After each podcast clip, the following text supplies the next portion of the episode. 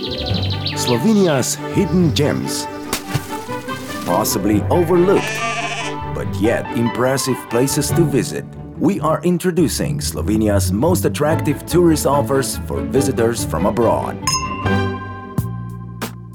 I'm Simone Michielen. I'm from the Netherlands and I live now in Rečica ob Savinji.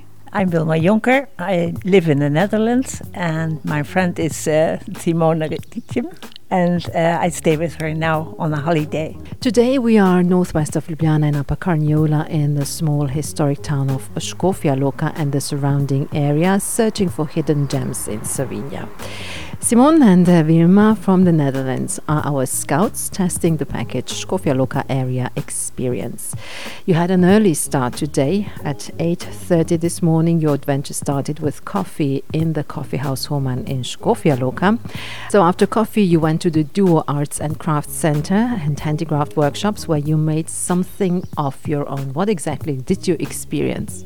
Oh, it was wonderful. We met Petra, who is uh, making uh, the molds for the uh, cookies, for the honey cookies. It's like gingerbread, we say, but it's, she said it wasn't because there's not a lot of ginger in. She made the dough, and we started to put it into the molds, and um, it was quite precise work. But we loved it, and then we made a lot of cookies, and she baked them for us, which was even better. And we made beautiful cookies, and they tasted even better. So, and we even had some to take home we're looking forward to eat them again, huh? Wilma? It's nice. Yes, yes, yes. It was very nice. I loved the cookies in the first place. I wasn't very good in cooking and in making them and making the mold, but I got a lot of help, and it was really nice to do and to see how they were made. Well, after the workshop, you had a tour of the old town center of Škofja Loka. What impressed you the most, considering the long history of the town? Maybe you, Vilma, first. You can easily see it's a very old town. Uh, you see it on the streets, you see it on the buildings, and uh, I like the stories that uh, that they told us about uh, about Škofja Loka. I really loved it. Yeah. You, Simon? I also loved it, especially the story of the, the one that was hit off the falling off the bridge. Right. I like that with the horse and wagon. Interesting, of course, and we don't we didn't have to pay for the bridge, so we were almost at the same level but they made these nice sidewalks so we were not able to drop off but it was really interesting city it's really old i also like the part that it's medieval so it gave a very good impression of a real medieval town we don't have them a lot in the netherlands so um, and i in slovenia there are also only three of which i now know two no three quite well after your tour of uh, Škofja Loka, it was time for the local homestead and tasting of products bee products. What can you tell us about that and what did you learn? It was very nice because it's the association of the beekeepers in this region, and they made a path that uh, with all kind of uh, signs with information and uh, real life beekeeping on the spot. So you could walk and learn while you were there. But of course, for me personally, everything that I can taste makes me happy. So then we went inside and we had all these different kind of honeys and the difference was really significant because the, the lipa, I love the, the linden tree uh, honey and the acacia, but the, and the castan was really strong of taste. Really happy about this honey tasting. I like that. So now we had the connection of the honey and the cookies. So I bought honey to bake the cookies at home. Life is good. Yay! and Wilma, you enjoyed it also a lot at very the beach. Yes, I love bees and I'm very interested in them and it was a very good tour they gave us and uh, i really learned a lot and it was so nice to do and to see it all we will be back with part two of Slovenia's hidden gems after a short music break with two of the providers of the package Škofja Loka area experience. Slovenia's hidden gems. For your vote, go to www.sloveniashiddengems.si. Hello, my name is Petra Plestenjak Podlogar. I'm from Škofja Loka and I'm a carver. I carve from pearwood uh, molds for honey bread. This is Škofja Loka traditional pastry. I made molds for more than 40 years and for 8 years I bake uh, honey bread too. You offer handicraft workshops here in Škofja Loka. What exactly can people who take part in your workshops learn? People who, who are very handy, they can carve, but not a big piece of wood. Mostly of the time, uh, we bake honey breads because this is easier for all population. How are your workshops connected to the tradition of Škofja Loka? Well, this is very traditional because wood carving uh, molds and honey bread are traditionally in Škofja Loka from the beginning of 18th centuries. With baking are start nuns of St. Clare and then after them become in Škofja Loka nuns of St. Ursula's. Are you worried that traditional handicraft is slowly being forgotten, or is there some kind of new interest or revival in handicraft? Yes, indeed. Uh, now is uh, more and more interesting. People like to bake themselves. Uh, they want to try to carve, uh, but not just on my way. Every other art crafts are interesting now. Thank you very much. Yes, thank you. Hi, hello, my name is Miriam. Uh, I'm from Škofja Loka. I'm a local tourist guide, let's say now for 20 years. I also live in Škofja Loka. Well, Miriam, as a tourist guide, you know the town Škofja Loka and its history very well. What would you say? Why should people come and visit Škofja Loka? Škofja Loka is one of the oldest, one of the most beautiful, and one of the best preserved medieval towns here in Slovenia.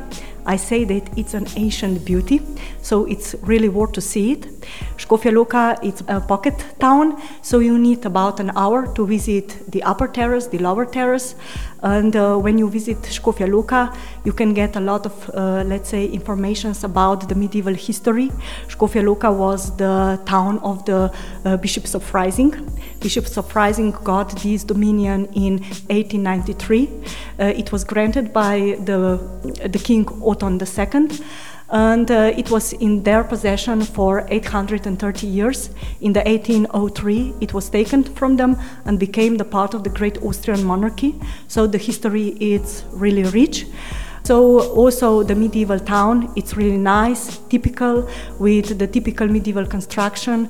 So the houses in two lines, in the center, the main square, with the Mark of Mary, with the old town hall, and with all the nicely decorated uh, buildings. Uh, also, you have to visit the main church, the, church, the Church of the Saint Jacob. Why it's so interesting? Because it's one of the best example of one nave late Gothic churches here in Gorenjska region. So it's unique. And of course, the granary in the lower part, it's uh, the probably one of the buildings uh, which has such form as it got it after the earthquake which happened in the year 1511 and of course a lot of legends uh, legend about the stone bridge, uh, the legend about the black man who was a servant of the Bishop Abraham and he saved his life while they were traveling through the woodland Poljanska Valley. They met a bear and the bear attacked the bishop. The servant grabbed a crossbow and shot the bear. So we have a lot of stories, a lot of legends, a lot of history, of course, a lot of good food, nice people, and a lot of destinations, not just in the town but also in the surrounding of Škofja Loka. And how are you satisfied with the number of foreign visitors? I suppose now in the summer months you are very busy. In the summertime, we have a lot of individual tourists. They come here, mostly the families, because the position of um, Škofja Loka is very good. Uh, you need maybe 15 minutes from the main airport. So, uh, yes, the summertime, it's usually full of uh, the tourists. Miriam Jezerczyk, thank you very much for this information and uh, thank you for guiding us through Škofja Loka. Slovenia's hidden gems. Possibly overlooked, but yet impressive places to visit. We are introducing Slovenia's most attractive tourist offers for visitors from abroad. Welcome to part three of Slovenia's Hidden Gems. Simona and Vilma, you have already told us quite a lot about your day in Škofja Loka and the surrounding area, and your day was quite packed with different activities. One of them also being a visit to the Tavčar Manor in Visoko. Well, how was it in uh, at the Tavčar Manor? What did you learn, Simona? I learned that I really fit into a big mansion. That's for sure. see the manor and the park and everything. That's where I should live. I don't live there. But still, it's a very nice house. It was very interesting. For us as foreigners, all these names of people who live there were very important for Slovenian history. Well, it's hard for us to understand the names to start with, and then all the years in all the places. So it was a little bit confusing. They just could have put me there for two hours and make me feel as if I lived there. It would be enough. We al- I already planned where the pool should come. So I, I think that was enough for me. But still, it was a nice visit, and I think for people who are from Slovenia, it's very interesting because of the history of this place. So, and then it was finally lunchtime. How did you enjoy your lunch? Lovely, was it? Yeah, it was really nice. Well, uh, Simon, you have a lot of experience with cooking and you love uh, food. So, uh, how was your lunch? Uh, my lunch was very good. We uh, tried to choose something that was also local. And of course, it was a lot, like all meals in Slovenia are a lot. Uh, but it was really nice lunch, and the lady was very friendly. Well, the next focus of your package was in Železniki, where you also had a tour of the town and a demonstration of the art of shaping iron. Not just a demonstration, but you also had the opportunity to shape your nail. How was this experience, Wilma? You first. Uh, when we came here, it was a very nice walk along the, the beautiful river and through the houses. And I, I like very much making nails, and it was very interesting to see how they did this in the past. I really liked it. So, yeah, I, I'm glad we came. Yes, absolutely. Yeah, you were very excited about making your own nail as well, Simon.